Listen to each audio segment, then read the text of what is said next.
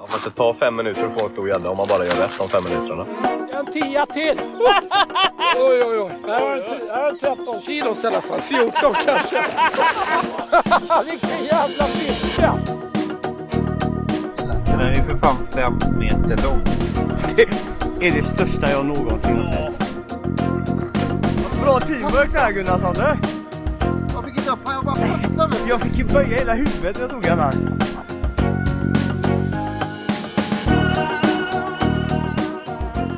Lyssnar på Gäddpodden med Oskar Trovald och John Safaradel.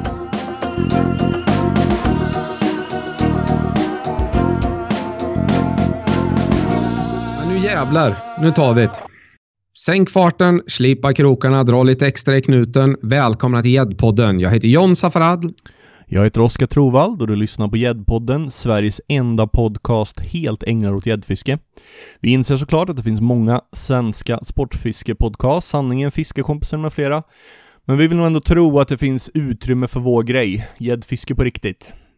Och gäddfiske för oss är ju en livsstil och vi hoppas och tror att de upplevelserna och känslorna som gäddfisket gett oss genom åren ska kunna återges i podden på ett trovärdigt och genuint sätt. Och vi kommer snacka om speciella gäddor, om speciella gäddfiskare, både från förr och från idag. Och eh, det här kommer vara historier från alla tänkbara gäddfiskearenor. Och Gäddpodden kommer i huvudsakligen bestå av oss två, eh, John och Oskar, det kommer ni få vara nöjda med. Men vi kommer också ibland vara flankerade av gäster med hög trovärdighet och med goda kunskaper inom svenskt gäddfiske. Och Gäddpodden, det är inte här du kommer få det allra senaste Så gör du fisketipset och det är aldrig någonsin här du kommer få informationen om var du ska fiska. Att lista ut var stora gäddor finns, det är den allra mest centrala egenskapen för en gäddfiskare och det kommer vi att fortsätta trycka på. Jag heter ju John, men vi vänder oss mot all följa John-mentalitet. Gäddfisket växer så det knakar i Sverige och antalet utövare blir fler och fler. Men vi känner, både jag och Oskar, att vi fiskar på alldeles för få vattenytor. Så vi hoppas och tror att vi kan uppmuntra och inspirera till det egna sökandet. Och om inte jag minns fel så tror jag att jag skrev det i en artikel någon gång, att sökandet inom gäddfiske, det är vårt största äventyr. Vi kommer även att driva en mission för den schyssta fiskebilden. Det här eh, ja, som vi, man pratar om på nätet som heter tokfronteri. Det tycker vi förstör det speciella i svenskt gäddfiske. Och även det utspridda fusket på sociala medier, det skulle ju helst försvinna, men det måste i alla fall minska. Ge gäddan en rättvis bild. Ja, det här är ett ämne som ligger både mig och Oskar varmt om hjärtat. Det är det, och vi kommer försöka ha en rimlig eh, distans till allt som har med fiskeutrustning att göra. Jag tror alla vi som fiskar gädda tycker att fiskeutrustning är en viktig del av själva intresset.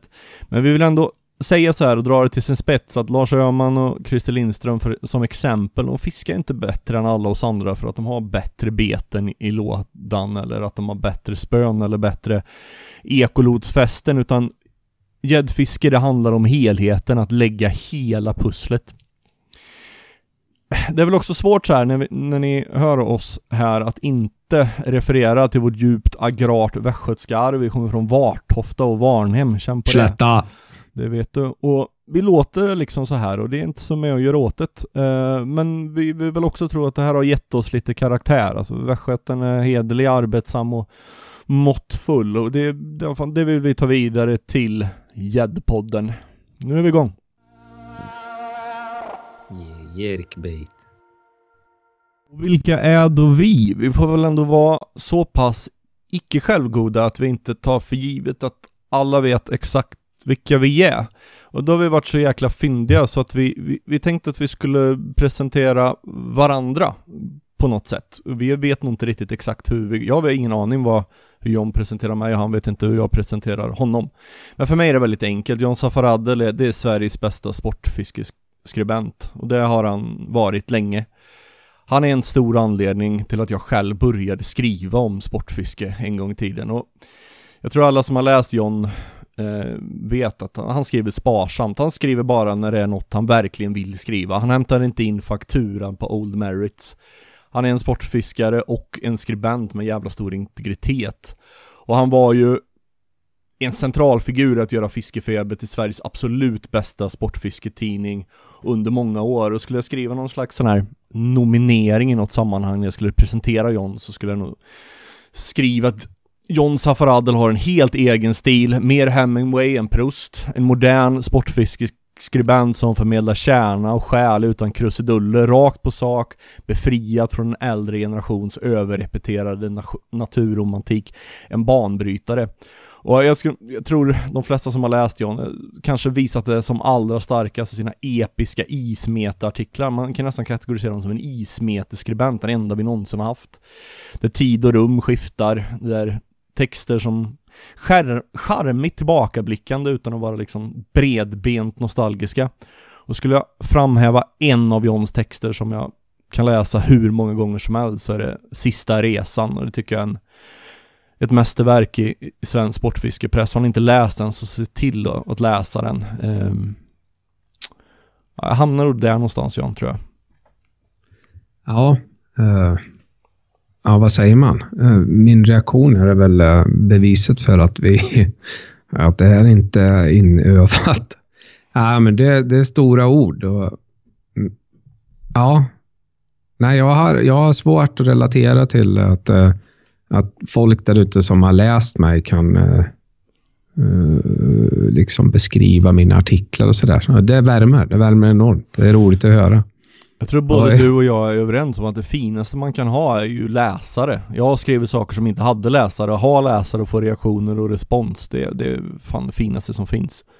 Ja, uh, jag har väl hela tiden känt. Det var ju annorlunda när man jobbar för ett fiskemagasin heltid som jag gjorde fick månadslön liksom, för att skriva och redigera. och Det var mycket annat jobb. Det var inte bara att sitta och skriva.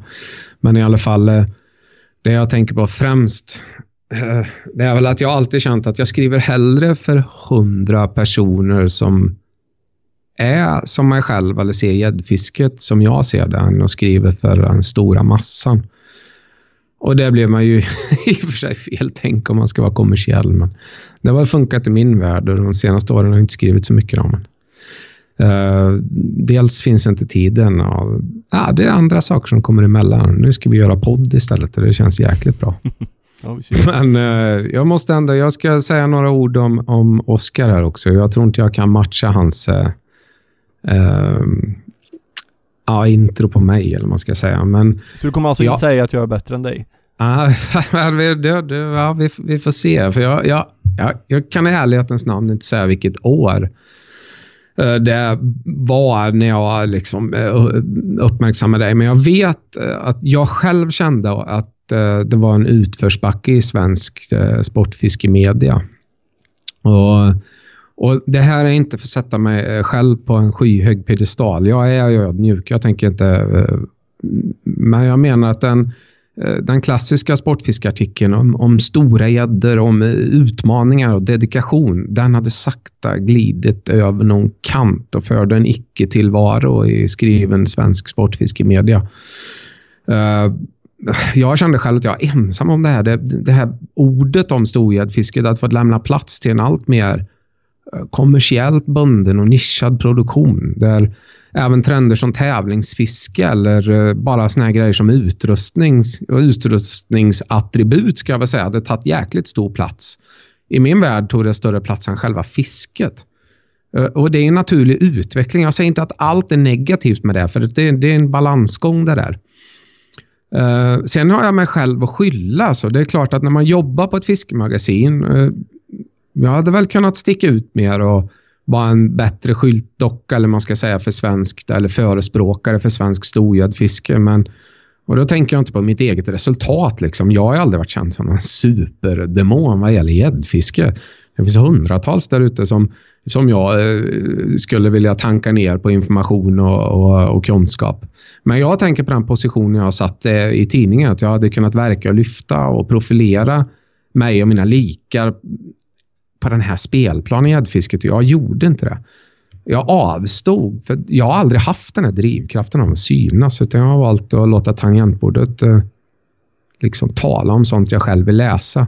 Men jag läste sällan. Men så kom jag över en text och det borde ju ha varit i Svenskt fiske, Sportfiskeförbundets egen tidning. Uh, och det var en artikel av den här västgöten. Och jag kände igen namnet och nu vet jag inte för jag kan komma ihåg fel, men jag tror att vi hade haft en eh, uh, mejlkonversation kring flötestrålning på ett stort vatten. Eh, och han sa att läs mina artiklar och sådär. Och så vitt jag vet så här i efterhand så var jag nog på Oskar och försökte värva över honom och skriva för uh, Fiskefeber. Men jag såg i alla fall att eh, i, i, hans texter så lyste intresset eh, för mystiken kring de här stora gäddorna igenom. Fascinationen kring bortglömda jätteindivider och var de fanns och hur man fångar dem. Eh, och rent stilistiskt då, som vi skribenter, det ordet använder vi ibland och där stack han ju ut. Han är ginklar i sitt sätt att skriva. Vassare än vad jag är. Och eh, dessutom kunna måla med ord utan att kleta för mycket med naturromantiska floskler. För så kunde det vara ofta när vi fick in texter till tidningen. Att man försökte för mycket. Det blev för mycket naturromantik. Liksom. För mycket kåsa och hjortron. Ehm, um, Oskar var bra på att använda ord och meningar för att bygga upp ett intresse hos oss läsare som skapade ett engagemang som värmde. Uh, och då kände jag att nu fasen, nu lever svenskt ogäddfiske i all högsta grad. Här har vi någon jäkel som orkar liksom. Och inte bara att skriva egna betraktelser utan grotta ner sig likt uh, ja, föregångaren då till Oskar, Peter Gran gjorde i de här historiska eh, gäddorna. Och det var väl ungefär så det började. Jag fann Oskars ord och jag förstod hans driv. Uh, även om han inte fiskar inom samma ramverk som mig själv. Här var det mycket döda beten etc. Och jag höll inte på med de där influenserna från England med deadbait och så. Men jag gillar det. Och genom åren har vi samspråkat, vi har diskuterat gäddfisket i Sverige, vi har vänt och vridit på utvecklingen, vi har stött och blöst, blött och vi har läst varandras texter och tjatat en hel del skit. Och, eh, och Oskar har idkat en synnerligen stark, hur ska man säga, positivism på mig när jag själv har varit i mitt mest melodramatisk, melodramatiska sinnelag. Där jag kan ju uppfattas som negativ ibland. Jag påvisar ofta en oro för framtiden för svenskt gäddfiske, men jag tror Oskar har kickat in mig på rätt väg eh, vad gäller den biten. Och jag hoppas verkligen att den här podden, eh, att vi får fram det bästa ur varandra här och att det blir en intressant podd. Det är väl ungefär, jag tänkte säga det lilla, men det var inte det lilla. Nej det var det verkligen inte. Det var, det, det var jättefin beskrivning och väldigt många trådar att följa upp. Och det är väl en utmaning för två personer som har lagt otroligt mycket tid och profilerat sig genom att skriva. Och nu, nu ska vi prata med varandra istället. Vi får väl hoppas att, eh, att, att det ska funka. Det känns jättekul i alla fall. Hoppas att ni kommer tycka det också. Yeah, eh, nu är det dags för något annat. Dags för Johns Dilemma. Då är det alltså dags för detta segment som kommer vara återkommande, Johns Dilemma, där jag varje vecka kommer ställa John till svars. Ehm, han kommer få frågor där jag vill att han ska ta ställning. Oftast kommer det handla om alternativ där han helt enkelt är tvungen att välja ändra av alternativen. Och idag i vårt första avsnitt, när det är lite av en presentationskaraktär, så kommer jag mata jättemånga frågor på John. Det blir 25 stycken och det är två alternativ eh, varav han då ska ge ett svar. Det vill säga det som kittlar mest, det som känns rätt för honom och det ska vara snabba, instinktiva och ryggradsmässiga svar. Um, och det förväntar jag mig inte ska vara något problem för dig John. Blandar du in eh, namn på vatten så kommer jag vägra svara. Jag lägger på. Ja, bra att veta. Det har jag nästan listat ut redan. Ja. Okej, okay, då börjar vi. Okej, okay. Rinnande vatten eller sjö? Sjö. Land eller båt? Båt. Jerk eller tail? Jerk. Sex fot eller tolv fot? Sex fot. Haspel eller multi? Multi. Spinn eller trolling? Spinn. Flötmete eller bottenmete? Flötmete. Fluorkarbon eller vajer? Vajer. Elektronisk napplarm eller knarr? Knarr. Gäddfeber eller Gädda the Movie? Gädda the Movie. Webbutik eller Börjes fiskehandel? Börjes.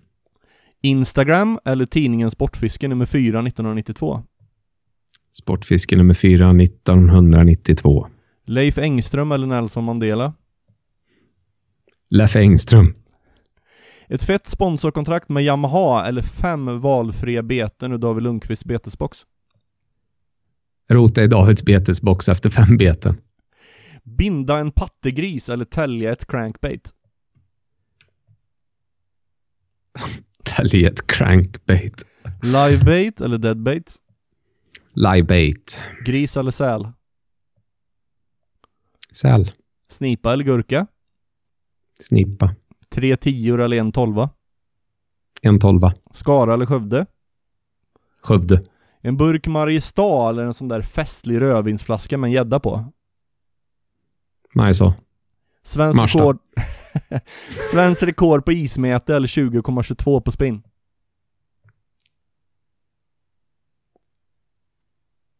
Svensk rekord på ismeter. Fan! Ja, jag hade det där. Fritt val ur hela Youtubes sportfiskeutbud eller filmen Gädda med Per Lindberg.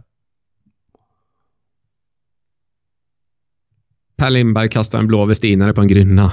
Fan vad bra. Ja, det är fan, det blir inte mycket bättre. Furusund 1987 eller Löddeå 1997?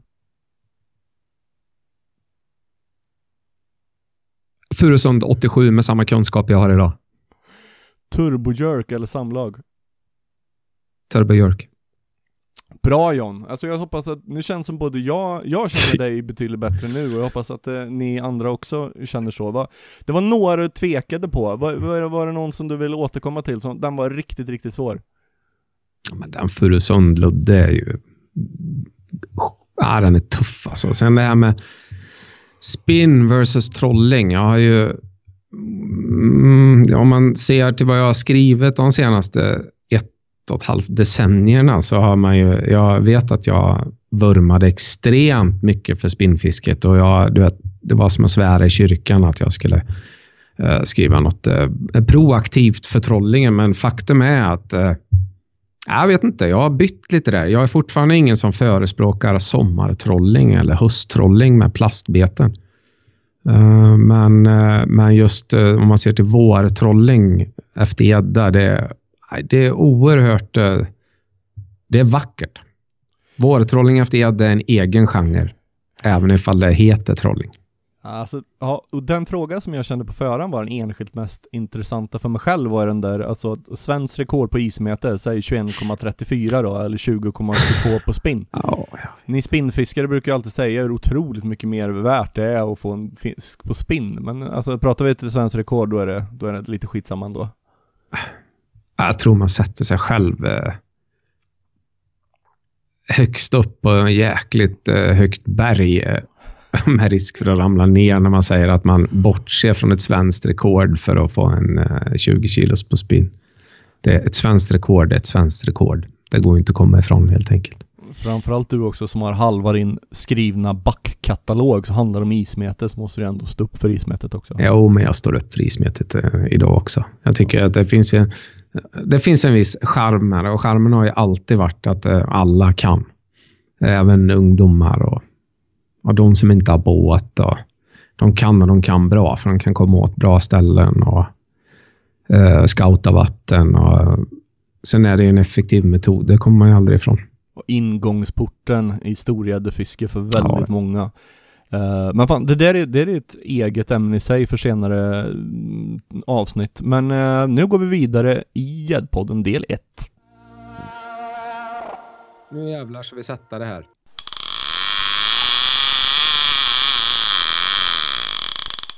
Och vi kommer fram till den spännande delen där vi sammanfattar det svenska gäddfiskeåret 2019. Och eh, det är inte jag som är förlorad i statistikens värld, även om jag, Eh, jag älskar årslistorna och har alltid gjort. Och sitta och läsa och i storfiskeregistret. Men jag vet att min västgötska frände här har eh, riktigt bra koll på förra årets storgäddor. Så vad säger du, Oskar? Ja, vad säger jag? Alltså, jag tror att 2019, det är inte det svenska gäddfiskåret. Går definitivt inte till historien som ett av de bättre, kanske snarare som ett av de sämre. Ehm, Får jag sticka in och fråga där bara, vad är all time low? Alltså vilket är det sämsta? Jag har för mig att det var något där efter Luddes, Luddes storhetstid det kom ett dåligt. Riktigt spetsa, dåligt. Spetsa frågan vad du menar med all time low. Alltså den sämsta topp fem då? Alltså vilket år den, med lägst vikter? Ja, så då ligger ju eh, 2013 ligger ju bra till som ett av de absolut sämsta åren. Ehm, hade, ja vad var det där? Det var inte, jag tror det var bara två fiskar över 15 kilo. ehm, 2013. Okej. Ehm, ja. men, men, men eh, 98 var ju eh, ändå ett rätt bra år om du tänker på eh, efter Luddes bästa år, men det var säkert inte det du tänkte på. Ja, jag tänkte efter själva den eran.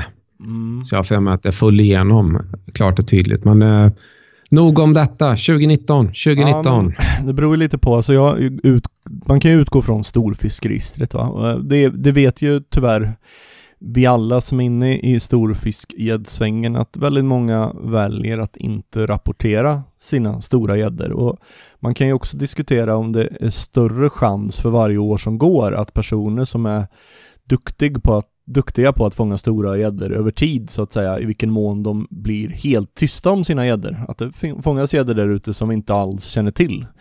Så det får jag liksom, det får man lägga in en reservation kring. Eh, sådär. Och eh, den, den allra största svenska gäddan i år som vi känner till, det var ju Christer Linds 19,5 kilos 113 centimeter från Rovakajärvi i, eh, på midsommarafton var det väl till och med, eller var midsommardagen. Jag har ju skrivit om den här fisken och ja, den var felkrokad. Så den, eh, den räknar vi inte som årets största sportfiskade gädda, men jag jag har skrivit om det i Svensk Fiske nummer tre. Det är en av de mest sensationella svenska gäddorna vi någonsin sett döda på land eller överhuvudtaget. Så proportionerna 113 och 19,5, då är vi ju uppe på en sån här kommersiell liten pit med ständig regnbågsisättning från England för att kunna hitta dem. Jag vill säga att vi inte haft de dimensionerna på en svensk gädda tidigare och Nej, jag är nog beredd att hålla med där. Jag rannsakar mig själv nu i minnet och det, just den kombinationen alltså. 113. Nej, nej jag är beredd att säga på rak arm att det, nej, aldrig. Och jag tro på den där fisken också. Vi har bara flera vittnen till vägningen, massa vittnen på land till den där fisken. Eh, när den vägdes och Christer Lind som fångade den, han var uppriktig med att den var felkrokad och varför skulle han då hela friden ljuga om, ljuga om vikten? Eh, så en helt sensationell fisk från ett helt okänt vatten, jättelångt upp i Sverige. Rovakajärvi, vi pratar ju väl norr om Luleå till och med, eh, där Christer kommer ifrån. Det är en fantastisk Det- fisk, en ynnest att få se en sån fisk på bild, även om den var felkrokad. Och det här tycker jag, väl- nu, var, nu är ju ett, eh, ett sånt vatten med extra tillskott givetvis. Men i annat fall har man ju vant sig vid att de stora gäddorna som kommer långt norrifrån har varit eh, relativt långa också. För att kunna Mm. bära upp vikt. Eller är jag ute och cyklar där? Vad säger du? Nej men så är det. Men det här var ju ett vatten med dels kassodlingshistoria eh, som inte gick, ja de hade lagt ner den för ett antal år sedan, kommer inte ihåg hur många det var, men också ganska omfattande put and take. Så den hade ju det där som få vatten i Sverige någonsin har haft, det vill säga att den hade en historia av att vara både put and take och kassodlingssjö samtidigt. Har vi Landösjön är ju nästan enda exemplet vi har i Sverige idag. Och det är ju den här Shoe Valley Style, det som gör det till världens bästa gäddvatten, att den har både och.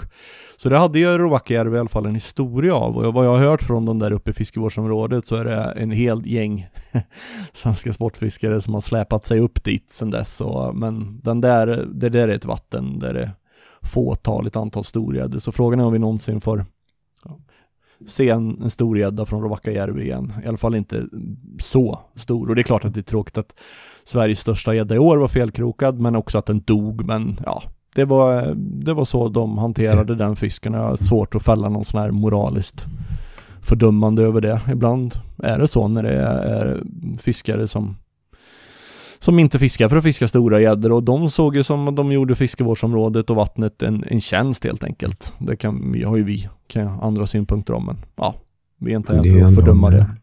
Kittlande, en kittlande tanke alltså. En kittlande fisk, minst Ja. sagt. Ja, ja den, föd, den föder en del drömmar och fantasi också kring Alltså vad finns det andra, för andra vatten där ute som vi faktiskt inte har koll på? Det är det som du var inne på det med följa John-mentaliteten är ju extrem svensk gäddfiske och det här tycker jag öppnar upp ögonen både för mig och borde göra och flera. Visst, nu kan du ha 300 pers försöka åka till Rovakajärvi, men eller också så gör man den analysen och börjar titta sig om och hitta ett, sitt egna Rovakajärvi. Fast jag skulle vilja uh, rätta det där. Inte försöka åka till detta rå heter det? Rå... Rovakajärvi. Utan de kommer och har åkt till det här vattnet och det kan jag säga på rak arm utan ens varit i närheten. Men det är så det fungerar nu. Ja, Det det, här var ju ju en, eh, det här var ju en Sveriges radionyhet, eh, Radio Norrbotten, som faktiskt också gav alltså nationellt eko. Så att när jag skrev den här artikeln så visst gav jag ut det här namnet Rovacka Rovakajärvi ytterligare, men eh, det var redan där ute. Och det är klart att för gäddorna i Rovacka så var det ingen jättekänsla jag gjorde om att jag skrev om det, eller att vi säger det här nu, men jag tror inte att det finns så många andra stora individer. En individ i ett vatten kan ju vara alla som det verkligen bär sig, men eh, ja, vi vet inte. Mm. Vi kanske ska släppa Christer Lind och det- Rovakkajärvi där. Christer Lind, jättetrevlig snubbe för övrigt, intervjuade honom om den här fisken och jag tror på honom och hans fisk. Så om vi pratar rätt krokade fiskar nu då. Ja, då, då är det ett år eh, där vi inte får en fisk över den här vikten 17 kilo. Den som David Lundqvist brukar beskriva som den här odödliga fisk, en gädda vi aldrig glömmer. Uh, jag vill nog mena att Rasmus Ljungqvists spinnfiskade 16,8 på 129,5 från i våras. Hans andra spinnfiskade över 16 på bara, vad är det, två, tre år. Fantastiskt. Uh, är, är den största svenska gäddan och uh, inte med i vårt storfiskregister men den eh, ligger uppe. Sen har vi en 16 kilos till som jag Ja, jag, jag hittar inte namnet just nu. Eh, så, så den får ni jättegärna höra av er till oss med vem fångstmannen var. Eh, men jag tror att den var lägre än 16,8. Det är lite pinsamt faktiskt. Men jag, på kort tid här hittar inte, kommer inte fram till det. Sen har min gode kollega Viktor Söderberg i december, bara några dagar innan jul, fick en på 15,8. En fantastisk fisk som sannolikt vägde mer, vägde ute på väldigt, väldigt blåsig sjö eh, och han tog den lägsta vikten som vågen eh, mätte. En jätteschysst bild fick han ju på den också, Viktor. Eh, eh, jättefin fisk, säkert över 16 kilo skulle jag tro. Sen rent eh, krasst så, så någon mer runt de där vikterna har ju fångats utan att Ja. det har rapporterats in naturligtvis. Absolut. Med all respekt för det. Jag är Ja. en följare av den skolan, så jag ska inte sitta här och, och säga något annat. Då går vi till storfiskregistret då, om vi ska liksom kunna ge någon slags officiell data så var det 29 storfiskregistrerade fiskar över 12 kilo förra året och det var faktiskt ändå bättre än 2018 då hade vi 23 fiskar. Um, och då tre fiskar över 15 uh, eh, varav en var över 16 var det var det 2018. Ehm, så, så det var lite bättre topp här. Men i, år så har vi då två registrerade fiskare över 15 i storfiskeri. Så det var Kristoffer Moberg på 15,5. 132 centimeter från, från Anten på en eh, trollad salt. Anten har ju spottat ur sig 15 kilo så här, mm, ganska många år eh, de senaste åren. Många fiskare i Västsverige där också ska vi säga. Många spötimmar.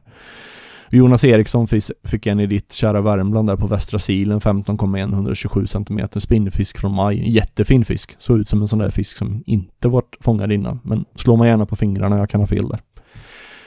Um, sen hade vi ytterligare fem till över 14 registrerade i år. Men eh, som sagt, inget starkt år eh, i den bemärkelsen. Um, som sagt, två över 15 2000 och en, ingen över 16. Jag har för mig att 20, 2009 som exempel hade vi nio stycken över, över 16 i storfiskregistret. Så att det fluktuerar ju över tid, men jag tror ändå att vi kan säga att vi, ja, det är lite svårt att göra samtidigt när vi hade det fantastiska 2016 där med, med tre fiskar över 18 och 7, men det, ja, min bedömning är att sett per antal spötimmar så fångar vi färre stora gäddor i Sverige sett över en tioårsperiod. Och det har nog mycket att göra med dels kapsejsade gäddbestånd i, i skärgårdarna, eh, men dels också hårt fisketryck på många andra platser också.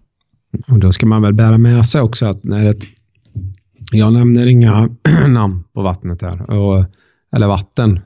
Men det kan ju vara så att ett, ett vatten börjar eh, helt plötsligt liksom släpper, släpper ifrån sig en eh, mängd stora fiskar. Men eh, när det kommer till populära vatten så har det ju oftast att göra med att det har blivit extrem hård ansträngning. Så en bit in i det här fisketrycket kan det ju fortfarande producera stora fiskar. Men då måste man ju kalkylera med att spötimmarna ökar ofta lavinartat år från år.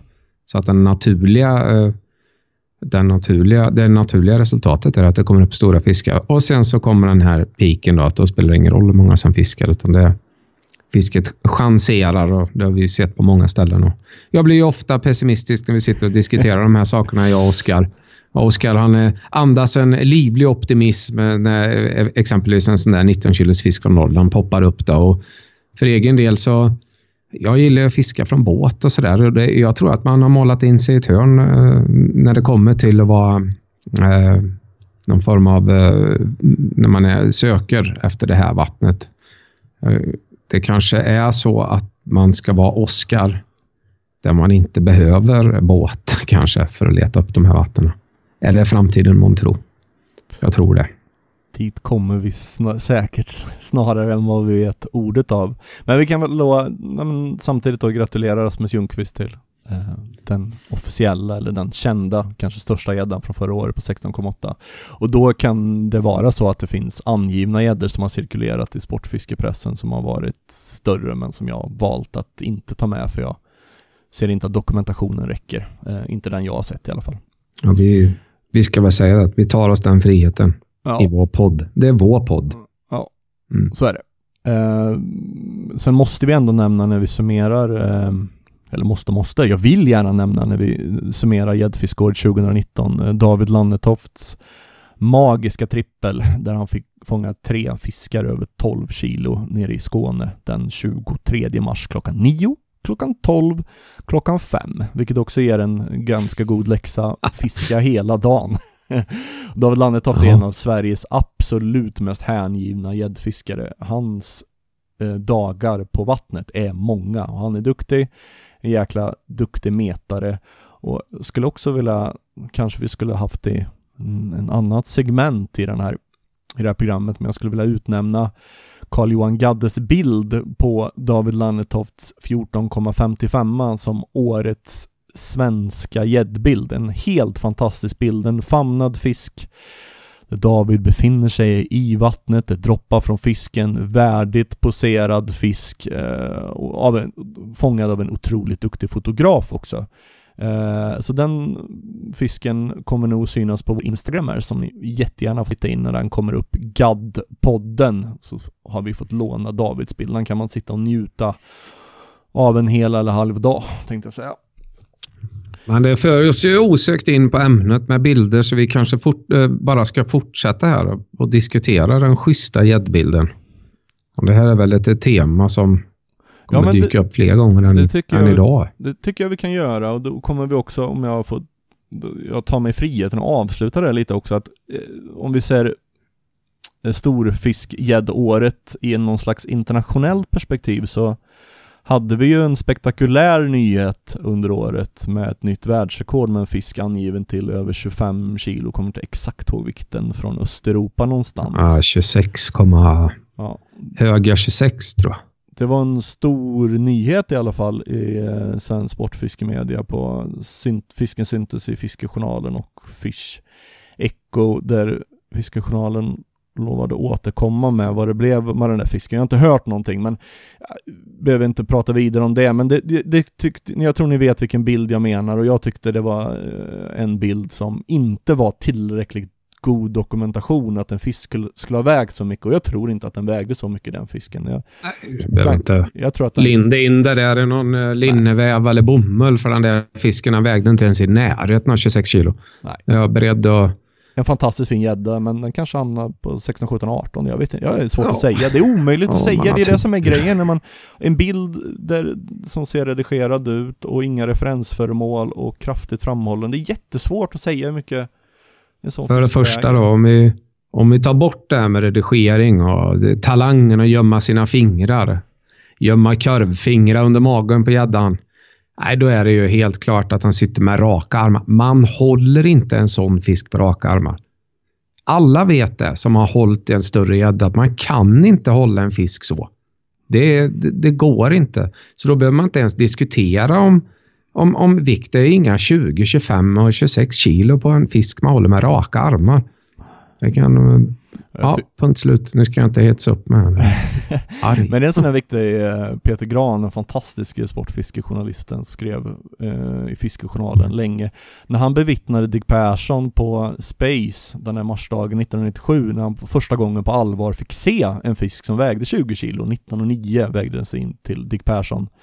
Hade ju en trippel på 3 över 15 den dagen, men det var en sån här otrolig insikt för honom när han fick se Dick med den där fisken, att han klarade inte hantera fisken. Han liksom hade den i knät, blev lutad bakåt, den var så stor, den gick inte att hantera och det var liksom inte, det fanns inte i Peter Grans värld att han någonsin skulle kunna haft den på några raka armar. Och det kastade också ljus och gav Peter Gran ett väldigt ökat självförtroende när han bedömde bland annat det då gällande svenska rekordet, en fisk som inte var, ja, den kan vi prata särskilt om en annan gång, men att det gav honom, en, eh, det gav honom ökat självförtroende och underlag när han bedömde historiska fiskar som han var tveksam till.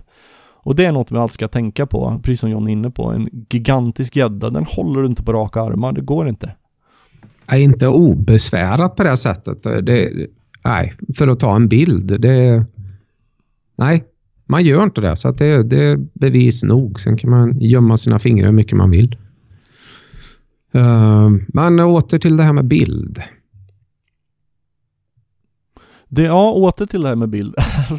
Jag, jag ser ju just det här jättevärdet i att faktiskt lyfta positiva bilder och positiva förebilder. Och att, som jag sa, Davids, David Lannetofts bilder är ett jättebra exempel. Uh, och jag tycker det är lite så här poserat uh, British style, det vill säga famnad, alltså hålla fisken nära kroppen, säkrare och schysstare mot fisken också ifall den skulle rycka till och du tappar den. Och det blir enklare och om alla hade poserat sina storgäddor på det sättet, eller för eh, man kan också, Viktor Söderbergs fisk där, den finns ju också där ute eh, på internet, det vill säga att den ligger platt på matta framför dig. Eh, ja, det poserar den, vad heter det, vertikalt va? Ja, fantastisk bild. Jag älskar ju de eh, poseringarna med ett enkelt handlag bara med, med järgreppet och låta den vila på, ja. på mattan. Det känns inte bara trovärdigt, det känns skonsamt också. Det är ja. en grym bild. Ja, som din, din visningsbild på Facebook, den är väl eh, från i år va? Eller förra året? Ja, jag önskar att den fisken var lika stor som Viktors dock, men det är den inte.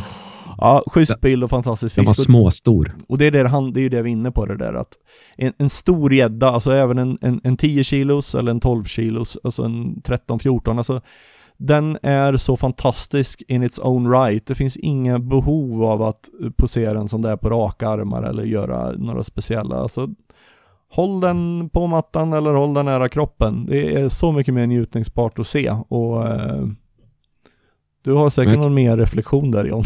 Ja, men jag, jag kan tänka mig så här.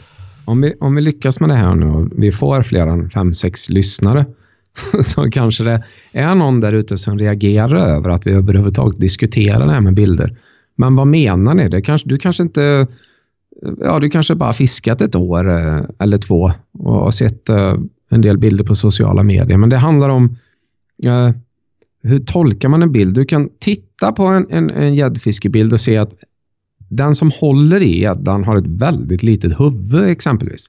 En sån detalj kan, kan gå förbi ibland, men, men det är en personlig favorit, det är de små hu huvudena som ser eh, det ser oproportionerligt ut helt enkelt och det är ju ett resultat av en, en framhållning alternativt tror jag att det är när man plåtar med eh, GoPro vidvinkelobjektiv. Så kan du få de där delarna. Och jag har ju sett en del profiler och nu ska vi, det, det är så här, nu, nu, jag lämnar inte ut några namn liksom i en podd, men en del profiler har ju verkligen gjort det här medvetet och satt det här eh, i system. Och då har man använt sig av att sätta armbågarna på sina knän för att orka hålla upp en fisk eh, på ett naturligt sätt. Luta sig bakåt och fota med GoPro. Pang! Så ser det ut som man har en jättefisk. Liksom. Um, så det är sånt man kan titta efter. Och det här med att redigera bort sina egna fingrar är fantastiskt innovativt. Förekommer det? Ja, det gör det definitivt. Annars, så får, annars har man två stumpar som man har stuckit in i sidan på fisken. Liksom. Nej, folk redigerar bort sina fingrar. Det är klart att fingrarna ger ett referens. Om eh, Peter Gran hade varit med oss här eh, i, i studion och pratat om detta så hade han ju sänkt så många fiskar genom att mäta hur tjockt finger kan man ha egentligen. Mm. Ja, så det är, det är ingen vetenskap. Nej, men jag har hört och läst lite mer om de optiska beräkningsmodeller som man faktiskt kan använda för att avslöja fusk. Jag hoppas att det kommer... Nu är det nörderi på hög nivå ska jag säga. Ja, men jag hoppas att sådana kommer i bruk framöver. Det tror jag att det, det kan vara bra. Och sen är det en inställning som jag ofta ganska möt, äh, möts av, det vill säga, ah, men vad spelar det för roll? Spelar väl ingen roll? Det spelar en jävla roll för mig. Alltså, och, och för dig och för alla andra som har det här som absolut främsta intresse. Dels att fiska gädda men också att, in, alltså att vi är intresserade av stora gäddor. Det är ett fantastiskt ämne att vara intresserad av. Och då tycker jag att för att kunna jämföra och se stora gäddor över tid eh, och för stunden så Alltså schyssta bilder, det är så viktigt. Jag ser en bild, det är liksom en stor gädda, det är en historisk pusselbit i något större som har betydelse för mig och för många andra. Och då spelar det jättestor roll om en fisk som egentligen väger 14 eh, eh, framställs och väger 18. Alltså en fisk som är 14, det är en fantastisk fisk. Låt den vara 14 och var fruktansvärt nöjd med det. Eh, ja, svämmar över nästan i ett, i, i ett brandtal här, men det, dels fiskarna men... till när det, när det blir de allra största, alltså att folk ljuger upp en 8 till en 10, visst det, det, det, ser man ju och det, och det svider, men det här när man börjar ljuga upp fiskar på rekordnivåer och liksom över de här magiska 17 eller magiska 15, alltså då, och då svider det på allvar för mig. Och eh, även om man ser i kommentatorsfält, ibland är det inte ens någon kritik. Men de där ute som håller på med det och sätter det i systematik, de bör veta med sig att vi är rätt stort antal som ändå ser. Eh, vi ser. Vi ser. Mm. Vi ser och det, man kan ju inte friskriva sig bara för att man skriver en exakt vikt. Det menar jag inte, för många har ju en exakt vikt och så stämmer det ändå inte. Man kryddar helt enkelt, men det är ju en stor del där ute som bara skriver någonting höfta. Liksom, eh, ja, det är 14, jämna vikter och det är 14 plus och det är 12 plus och, och hit och dit. Om man är så pass seriös och en inbiten driven storgäddfiskare och känner att man måste publicera fisken offentligt i sociala medier. Ja, då får man nog se till att ha en vikt på den och en längd som är vettig. Hellre än ja, Fisken väger 14,030 eller 14,4. Den väger inte 14 plus. Det kan vara bra att veta att sådana som oss som verkligen lägger vikt vid vikt. Nu var jag lite fyndig där. Ja, men, det. Eh, men vi, vi vill, man vill se det. det. Man blir inte lurad liksom. Så är det. Det är en fråga om värdighet och hederlighet. Uh, och med det momentet går vi över till ett annat. Väldigt litet huvud. Väldigt litet huvud. Då har vi kommit fram till segmentet som jag och John har valt att kalla veckans bete och det är fasen mig precis det det handlar om. Det handlar om bete, det vi sätter i, i linänden. Eh, vi kommer ju ha en relativ distans till det i eh, Gäddpodden, eh, men eh, just i det här segmentet så kommer vi vara helt distanslösa. Alltså gå in i ett bete, historien om och kring och i huvudsak kommer det handla om spinnbeten och då är ju John, den jag ser framför mig, kommer bära den tyngsta rollen i det här segmentet och givetvis är det då han som får börja här i, idag. Vad, vad har du förberett för oss John? Det enda jag har förberett här är att fem år framöver, varje avsnitt, så vi såga alla beten som har någon form av sked i sig. nej, nej. Uh, vi får se, det kanske kommer en sågning någon gång men Uh, framförallt, jag, jag älskar beten och många, det finns ju många betesfanatiker där ute och jag kanske inte är den värsta betesfanatikern. Det är nog för att jag är lite gammal. Jag skulle väl rent ut sagt, eller rent, eh, jag skulle nog kalla mig att jag är en ganska dålig kund. Liksom. Jag tänker för länge och köper ofta likadana grejer som jag har fått på så jag vill inte bredda mitt register men jag har alltid uh, roat mig med att tänka så här, kan jag fiska spinn och jerkfiska med typ fem beten året runt? Kan jag trolla med tio beten året runt? Hur mycket behöver jag? Men, eh, men eh, jag vet inte. Jag, jag, tror inte att det här tankesättet är så vägvinnande. Det är för att jag är old school och enveten. Nog fasen hade jag fiskat bättre om jag hade ett lite bredare register. Och just den här podden, eh, delen av podden så kommer vi skjuta väldigt brett vad gäller beten.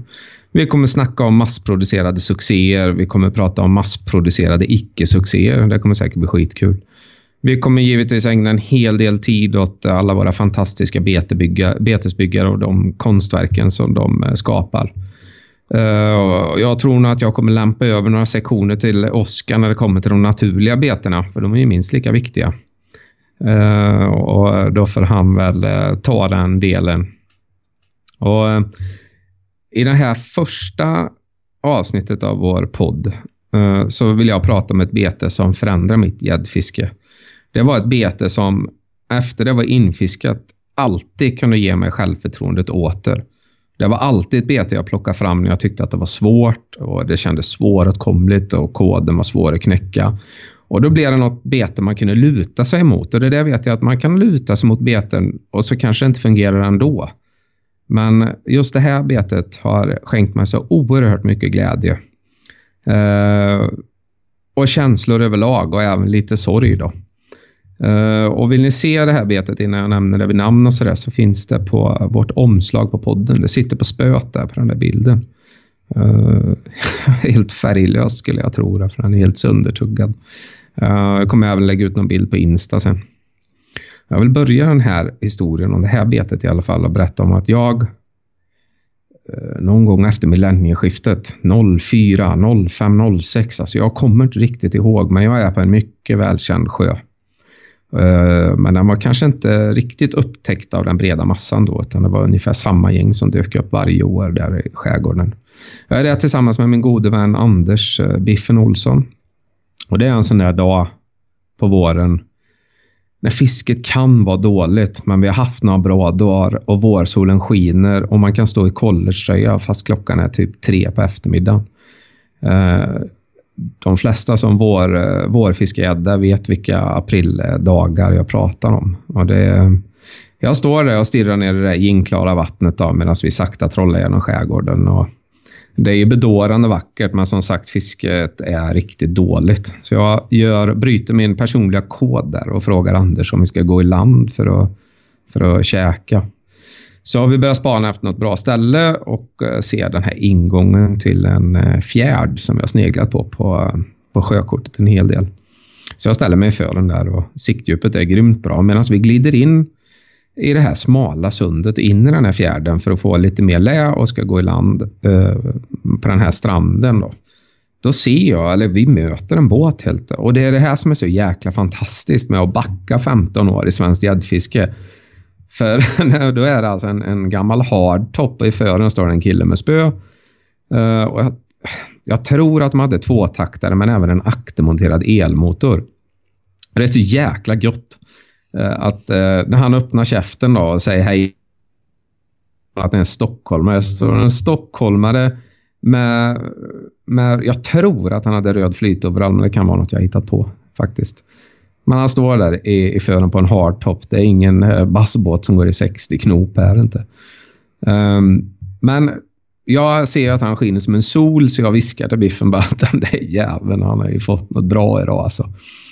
Så jag ropar givetvis och frågar hur det har gått och sådär och han bara, ja jag releasade precis en 14, 14 eh, kilos Ja, vad säger man? Ja, man, man gratulerar och, och, och så. Och jag, jag, vet inte om det var 14 och 4 eller 14 och 2, men eh, vi får ta det med fångstmannen senare. Men man, du vet, man utväxlar artighetsfraser, men så kan man ändå inte hålla sig. Så jag bara, men vad tog den på? Han svarar så instinktivt bara, stalkern. Kjelle Lundberg stalker. Ja, där någonstans så började det då det var första gången det var någon som droppade Kjelles namn på det sättet för mig med beten. Och jag vill ändå säga där att du som stod där med mörkt lockigt hår och hade fått den här fantastiska fisken in i den där fjärden. Jag vet precis hur djup den är och jag fattar varför ni spinnfiskar den idag. Jag, vill, jag, jag tror du heter Kalle och jag tror att vi är vänner på Facebook. Men i alla fall, hör du det här, inboxa oss så kanske vi längre fram här kan eh, ringa upp dig så får du vara med i Gäddpodden och berätta exakt hur den här dagen var för dig. Och, och, om du såg när den tog och hela den här biten och varför ni valde just den fjärden när ni fiskade och sådär. Det hade varit roligt. Men i alla fall, vi hoppar fram tio år cirka. Då sitter jag på knä i, i min båt och den här sönderbit, med en sönderbiten Attitude Devil som eh, Kjell har snidat framför mig. Den ligger där på båtbotten och jag har precis releasat en fantastisk oktoberfisk eh, fisk på, eh, på lite över 13 kilo, 13 och 2. Och du vet, det är nära till tårarna och stämningen går att ta på. Och adrenalinet pumpar och det här är inte den första 10 plus-fisken jag får på det här betet, kanske den fjärde till och med femte. Men det är just att det är en 13 kilos. Alltså en 13 kilos på spinn i oktober, det är, ja, det är magiskt. Och det är just den här perioden jag har jobbat på fiskefeber. Jag skriver rätt ganska mycket ändå för att vara mig då. Eh, och eh, spinn och jerkfisket är någonting som har legat mig väldigt, väldigt... Eh, det, det växte för mig.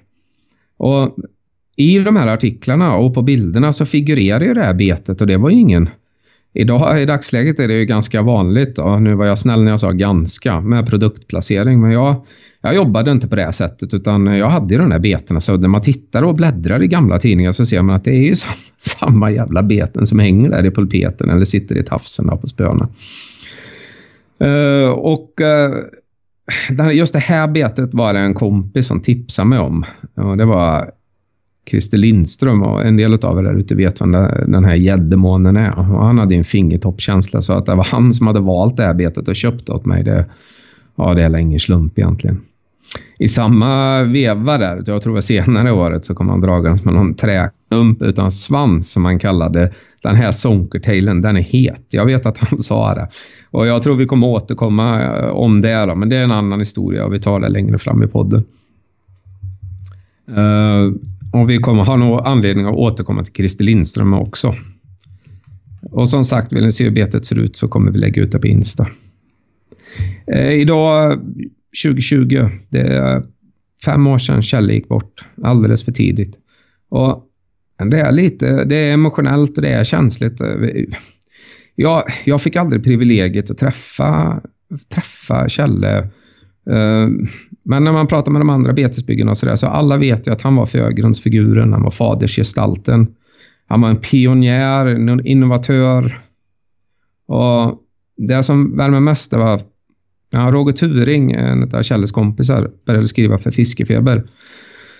Och jag blev grymt glad för då berättade Roger att när det kom en ny blaska, liksom, då, han visste att jag hade skrivit, då började han rota i tidningen då för att bläddra fram. För att han visste att med stor sannolikhet när den kom till spinn och jerkfiskartiklarna så hängde ju eller satt hans eh, bete där någonstans. Och det, och det gjorde ju honom jäkligt glad liksom. Och då, det gör ju mig glad idag. Och så här är det faktiskt att jag svingar min attitude devil fortfarande och jag har tagit många stora fiskar på precis den där färglösa stackaren som ni ser på den där bilden då, på vårt omslag. Varje gång jag svingar den ut över vattnet så skänker jag Kjelle en tanke. Det kommer bara sådär spontant, oundvikligt. Men egentligen när man tittar på det här då. Man skulle väl kunna ägna en timme åt att bara dissekera beten och var, vad är det som gör ett bete bra? Och är det färgen och formen och flyttar det vatten och sådär. Men vad gäller min attitude devil så är det just det att eh, den flyttar vatten och har brett rörelsemönster och du kan fiska den ganska smalt också.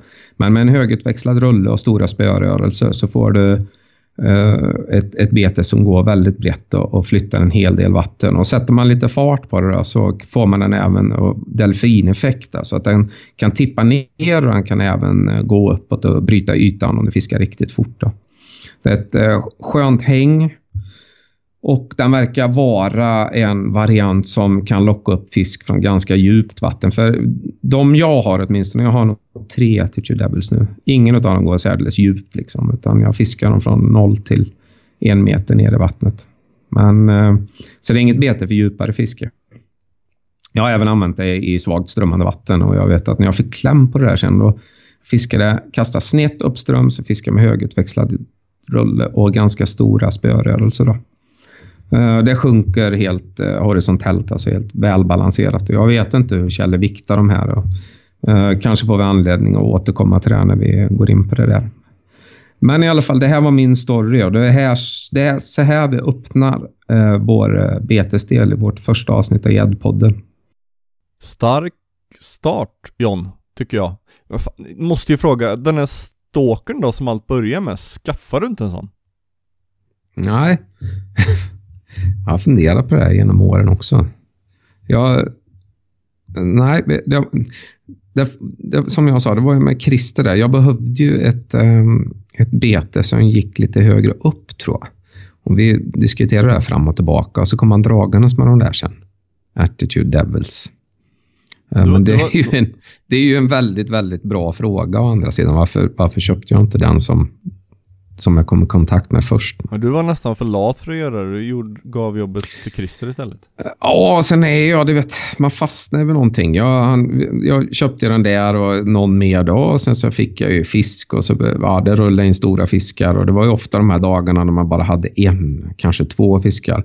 Just den dagen när jag fick den på min första över 13 kilo på Källis eh, bete. Tio minuter innan hade jag en på 10,8. Det var en bra dag, men det var de enda huggen jag hade. Mm. Men den, den sög en, eh, en, eh, en bulldog. Gjorde den. Är en bra. annan historia. Men jag, jag, var, så, jag kommer ihåg att jag var så jäkla nöjd. Jag tog en mattbild på den där 10-8 som var, det var grymt fin fisk. Men Eh, om ja. den här härligt eh, krullhårige killen med hartoppen som du stötte på där, om han hör av sig och erbjuder dig att köpa den här stalkern, vad är du, vad är du redo att betala? Just, just den han hade? nej, det säger jag inte i podden. Nej, okej. Nej. Det är säkert Nej, inte. minst 3000. Jag kanske Eh, hänger den på väggen i så fall. Han kanske har den på väggen. Vi måste ju följa upp det här nu. Det är Ja, men han heter Kalle. Ja, Kalle. Alla Kalle är ute, det finns Ja. ju säkert en hel del. Ja. Eh, men det var det, veckans bete. Den sög en, eh, en, eh, en bulldog. Det där var vad vi hade i Gäddpodden del 1. Huruvida det var bra eller inte, det vet i fasen. Det får ni som lyssnare avgöra. Det här var i alla fall en start. Och eh, vi kan väl säga som så här att vi, vi spelar in via Skype. John sitter i Karlstad, jag sitter i Knivsta. Och det ju sätter vissa begränsningar för ljudet. Eh, vad vi kan säga är att vi kommer att göra vad vi kan för att göra ljudet bättre framöver. Eh, vi hoppas att det var en ljudnivå som ni kunde leva med, att det ändå var hyfsat njutbart att lyssna, eh, ja, så som vi pratar till trots så att säga. Västgötskan eh, kräver ju eh, lite av lyssnarna, hoppas att man Slatta! stått ut med en timmes västgötska. Jag får säga det här att jag tror att Johns västgötska är mycket grövre än min. Eh, hoppas ni håller med. Eh, annars blir jag nästan lite, lite rädder. Light variant. Nej, en light-variant. Jag kan fylla på lite där och säga att eh, nu vart det ju mycket snack om eh, stora gäddor och sådär. Men jag tror att vi kommer skjuta bredare och vi kommer gå tillbaka och se till oss själva när vi börjar fiska gädda och, och hur gäddfiske kan se ut och hur man kan njuta av gäddfiske även om man inte jagar de allra största exemplaren. Det tror jag. Ja men precis. Eh, vi, vi, vi ska bred, bredda nivån utan att det i någon mån känns urmjölkat. Det är väl någon slags ambition. Ehm, tillägg eh, så kan jag väl säga att jag jobbar ju på Sportfiskarna och att jag har uttalat mig här i egenskap av privatperson och inget annat om någon tycker att jag sa något väldigt konstigt. Men det, det, det, det tror jag nog inte att jag gjorde förutom att mitt språk kanske låter halvt eh, ovårdat eh, ibland.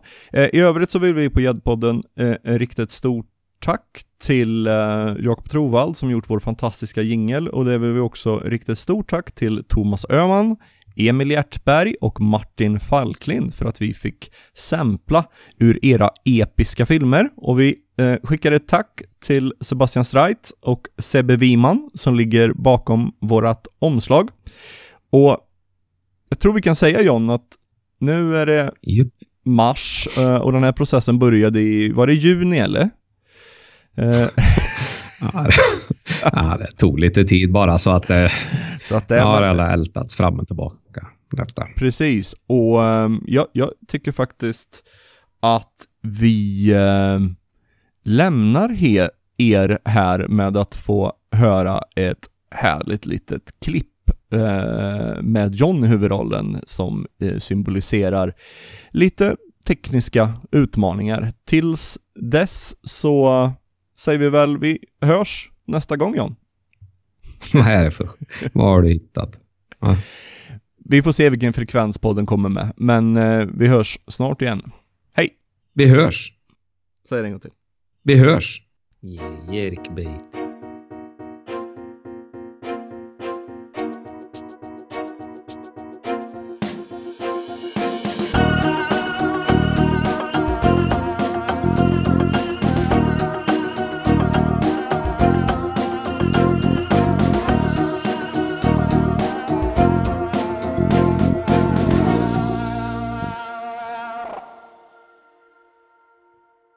Hur ska jag kunna lösa det? Hur ska jag kunna lösa det? Nej, nu hör inte jag dig, men det står att högtalarna är avstängda här. Men jag tror jag satte på någonting faktiskt. Det var en inställning. Men, men varför? Jag måste bara säga högtalarna är avstängda. Det jag lägger på telefonen, var bara kvar där i, i det här. Jag lägger på igen. Ja, men jag ska ta bort, jag ska ta bort delarläget. Hur, hur gör jag det? Vänta lite. Fan vilket kaos. Jag funderar på om vi ska, om vi ska lägga, vi lägger ner och så, så ringer